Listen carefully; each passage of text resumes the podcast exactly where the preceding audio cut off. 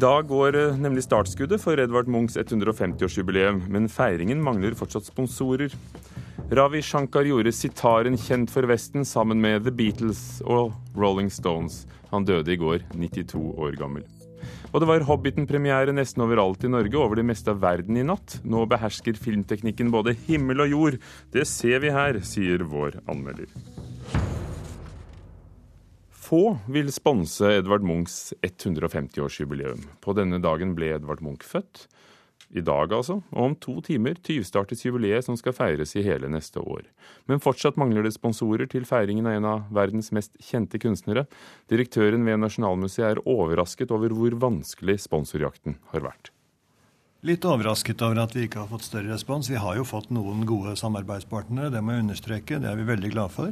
Men vi skulle gjerne hatt med enda flere. Og det er fortsatt eh, deler av jubileet som er underfinansiert, for å si det sånn. Audun Eckhoff er direktør ved Nasjonalmuseet, og sammen med Munch-museet er han ansvarlig for at det blir et verdig jubileum for en av verdens mest kjente nordmenn neste år, Edvard Munch.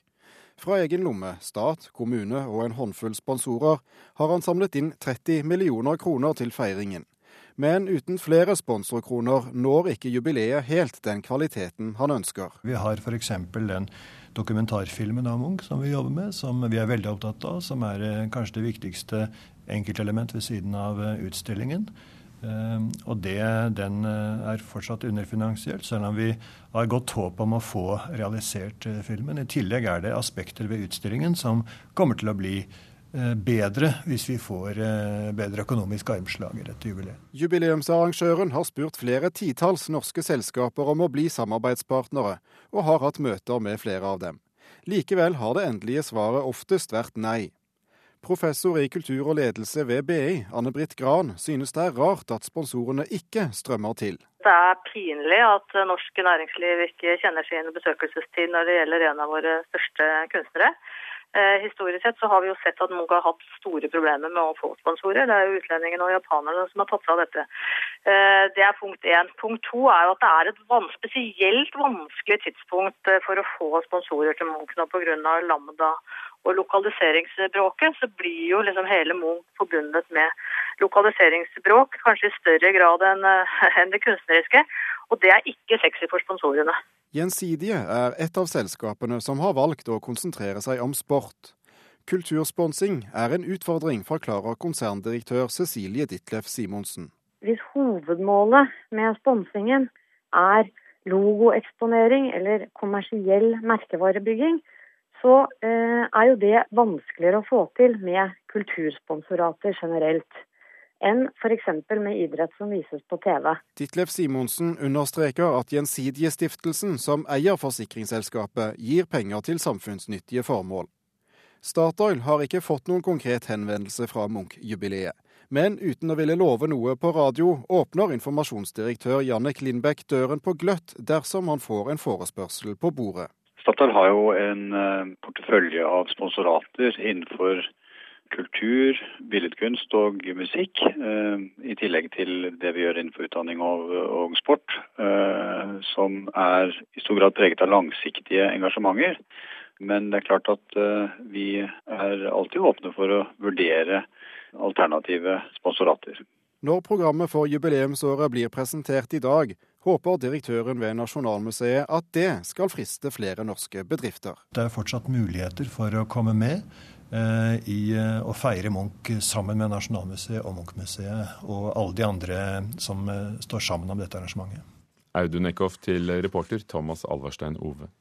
Kommentator her i Kulturnytt, Agnes Moxnes. Er du overrasket over at Munch-året ikke har fått nok sponsorer? Ja, jeg er det. Jeg har vært det lenge, egentlig. For alt det som står i læreboka for at, lære, for at næringslivet skal komme løpende, det er jo på plass.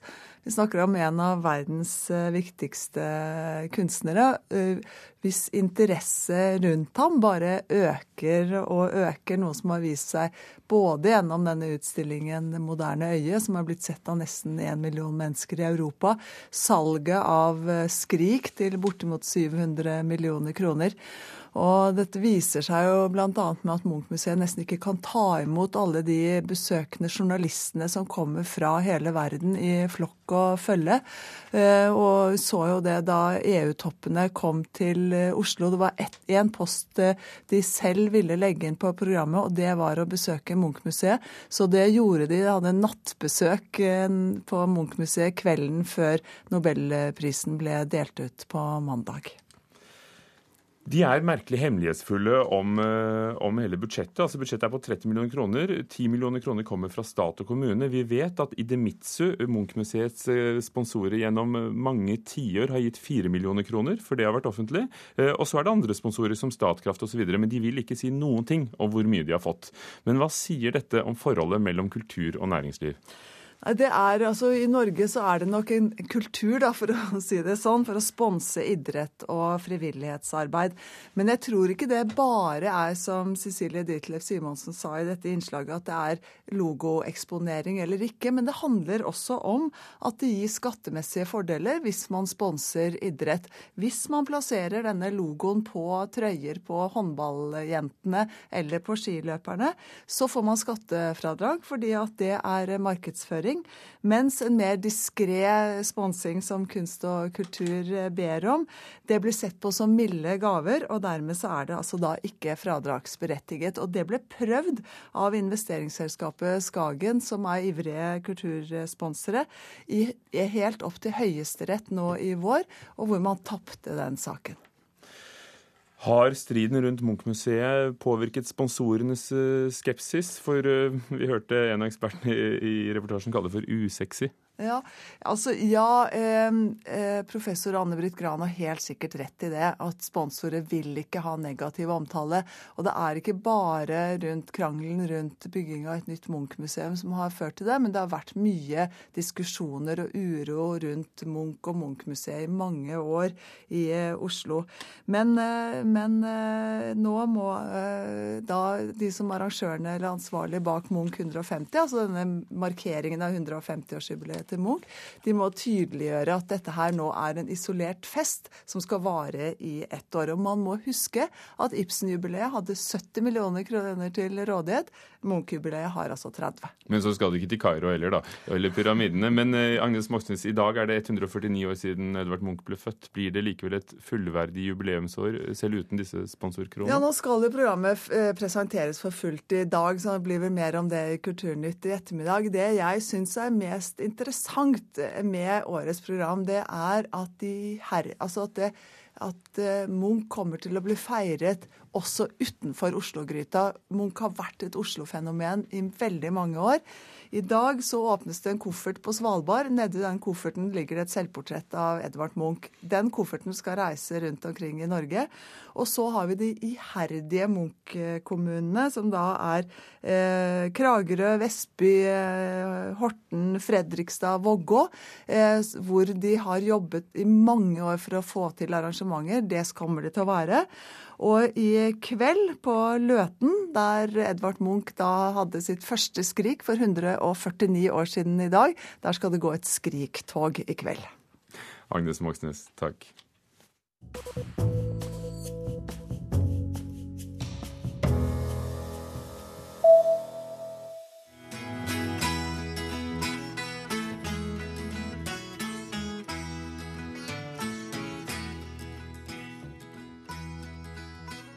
The Beatles og Ravi Shankar. Den legendariske indiske sitarspilleren som spilte med The Beatles, Rolling Stones, Yehudi Menuhin, døde i natt, 92 år gammel. Og musikkjournalist i NRK, Sigbjørn Nederland. Hvem var han? Han var jo en uh, stor og kjent indisk musiker som uh, var vel etablert og eh, hadde internasjonal karriere før han eh, møtte George Harrison i The Beatles og inspirerte til den lille linjen med sitar som vi hørte her. Men han ble jo en eh, veldig viktig person fordi at han på en måte personifiserte hele denne søken ut som Beatles og George Harrison var en del av, og som utvidet vårt kulturbegrep i den vestlige verden, og som førte til større, et større fokus på både indisk musikk og etter hvert også musikk fra andre deler av verden. Så han var en viktig person i hele denne prosessen. Og Ravi Shankar var frisk og rask da han var bare så vidt over 90, for han spilte på Mela-festivalens tiårsjubileum i Oslo i fjor. Men så har han vært syk et års tid og døde også i California, der han bodde i går etter en operasjon som ikke gikk så bra for en uke siden. Men så var han jo også litt oppe i årene. Eh, Indias statsminister har uttrykt sin sorg. Han ble kalt en nasjonal skatt i India, og han ble verdenskjent. Men hvordan ble en sitarspiller så kjent? Ja, det var jo fordi at man hadde et eh, klima plutselig i den internasjonale populærkulturen som eh, gjorde at man kunne søke ut, og man kunne søke alternativer. Eh, dette begynte jo allerede i mer litterære sjangre på 50-tallet med beatpoetene osv., som hadde stor interesse for indisk mystikk og religion, og som begynte å søke i den retningen.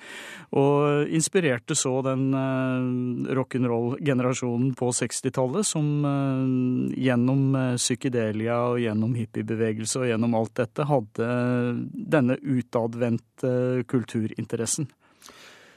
Og han spilte på Woodstock. Dette var det visst vennskapet med George Harrison som uh, sørget for. Men, men, drev også med klassisk musikk. ikke sant? Han, han skrev sammen med Philip Glass. Han uh, skrev, fikk en uh, Grammy sammen med Yehudi Menuhin for et samarbeid de gjorde med London Symfoniorkester og New York Filharmonien. Ja, Han var bredt orientert i musikk. Han hadde jo studert musikkteori i Paris, i tillegg til å ha studert med de største mestere i indisk musikk, så han hadde et bredt musikalsk virkefelt. Det hadde han.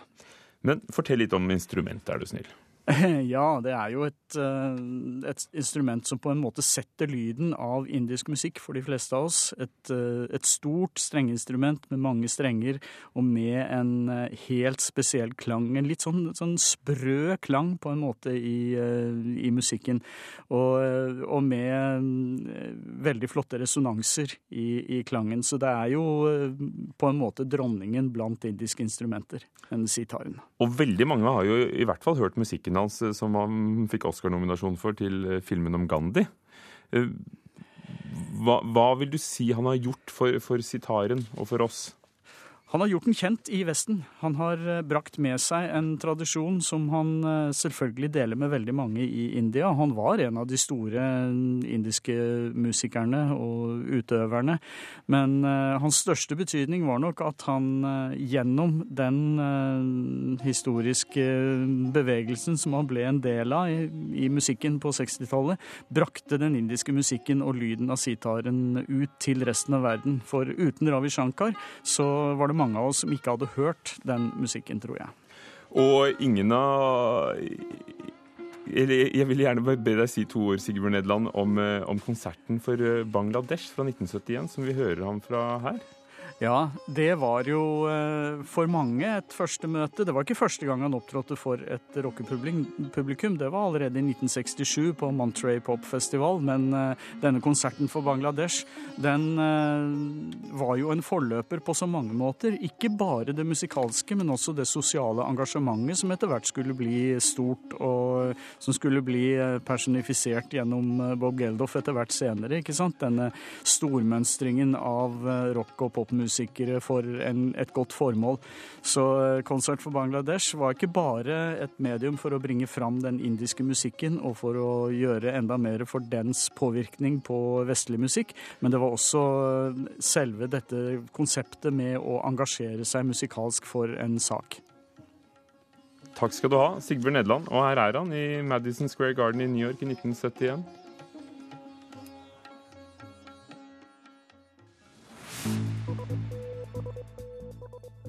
Norske islamister knyttes til angrep mot ISAF-styrken i Afghanistan. Bioteknologinemnda er bekymret for beredskapen ved bioterrorangrep og etterlyser svar fra myndighetene. Og senere i Kulturnytt møter vi Peter Jackson, regissøren bak 'Hobbiten'. Og dette var hovedsaken i NRK Nyheter i dag. Idet klokken nærmer seg 11 minutter på halv ni, og du hører på Nyhetsmorgen i NRK P2 og Alltid nyheter. I går var det stor konsert etter fredsprisutdelingen. An incredible rap duo and I've taken their name from the Latin expression seize the day. It's an appropriate name for this occasion because we are seizing this day to celebrate the European Union and peace itself. And, of course, to listen to Carpe Diem.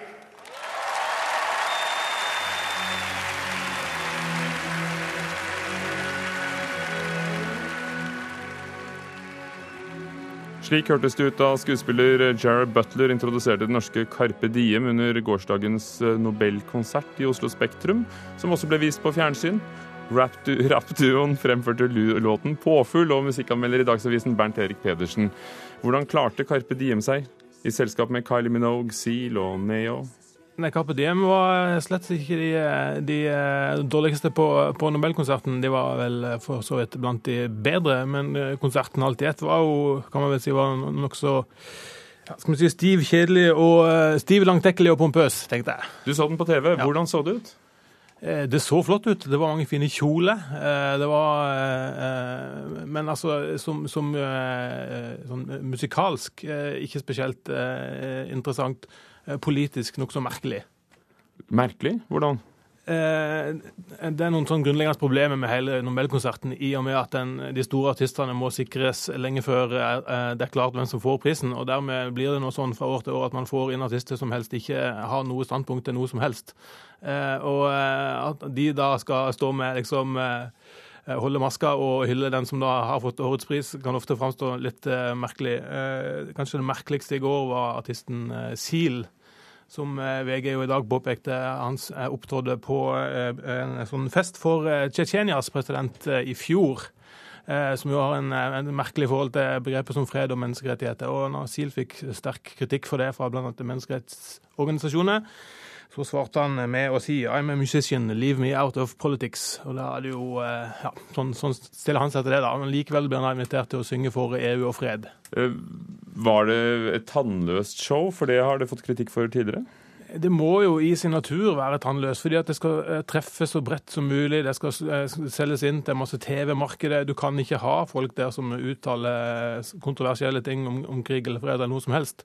Fordi at det vil bryte med eh, både en sånn firmafestaktige stemninga i salen, og det vil gjøre det vanskelig salgbart på det internasjonale TV-markedet. Poenget med dette er jo først og fremst ser det ut som å skape et sånt bredt internasjonalt TV-show, eh, mer enn å, å, å, feire noe innhold enn en fredspris. Og, og ikke engang som bredt TV-show fungerer det spesielt bra. Som sagt, det er veldig langtekkelig. Det er ganske lav stjernefaktor. Eh, det er ikke store nok navn, og den kunstneriske satsinga er litt sånn pliktmessig ofte fra rapp til eh, rumenske fanfare Jokalia, hvilke artister overrasket positivt? Hvis noen? Susanne Sundfør er jo alltid bra. Eh, men hun, i likhet med et par av de andre eh, artistene på showet, eh, fungerte ikke helt i den settingen. Susanne Sundførs opptreden var en sterk og modig kunstnerisk statement, men i en litt sånn glitter og stas og Sarah Jessica Parker-kontekst så, så framsto det litt sånn rart. og Det var litt sånn synd både for Susanne Sundfør og, og kanskje for hele konserten. Den, den type ting fungerer ikke så godt Eh, på, på Nobelkonserten, det som fungerer best, pleier å være litt sånn glasshole-artister, og ikke engang det fungerte spesielt bra i går. Gleder du deg til neste års Nobelkonsert? Jeg er glad for at det er ett år til neste gang. Bernt Erik Pedersen i Dagsavisen, takk skal du ha.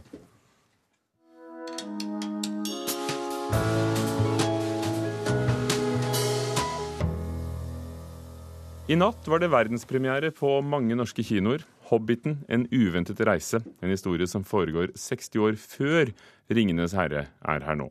Vår anmelder Einar Gullvåg Staalesen mener at filmen er en milepæl for filmteknikken, men ikke for eventyrtradisjonen. 'Hobbiten en uventet reise' er imponerende og fascinerende. Men fascinasjonen svinger, og den holder seg ikke i to timer og 39 minutter. Så lenge varer filmen. Det er lenge. Det er spesielt lenge for yngre kinogjengere. I dette tilfellet er det unødvendig lenge for oss alle. Vi kunne klart oss med seks brutale slag istedenfor sju. Vi kunne klart oss uten deler av den episke tråden, som vi likevel ikke holder oss fast i. Musikken til Howard Shore holder oss noenlunde på plass. Den kan lyde som en messe, som bare forsterker seg når hendelsene i bildene blir mindre vakre.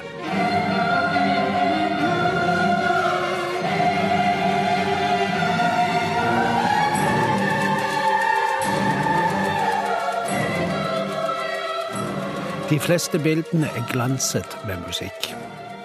Alt det faglige er skinnende. Teknikken er naturligvis førsteklasses og oppdatert. Designen er eventyrlig. Landskapene er både naturlige og fantastiske. Mange figurer er vel skapt i sin annerledeshet. Illusjonene er nesten virkelighetstro. Den viktigste gevinsten av alle tekniske nyvinninger er at man nå kan lage digitale illusjoner som ikke ser syntetiske ut. I Hobbiten ser stein ut som stein, og styrtende broer ser ut som styrtende broer. Mye av filmens drama består i at broer og gangveier og fjellhyller styrter i avgrunnen, og at fienden følger med ned, mens våre, dvergene og hobbiten, så vidt klarer å holde seg fast i en kvist eller fjellsprekk. Thank you.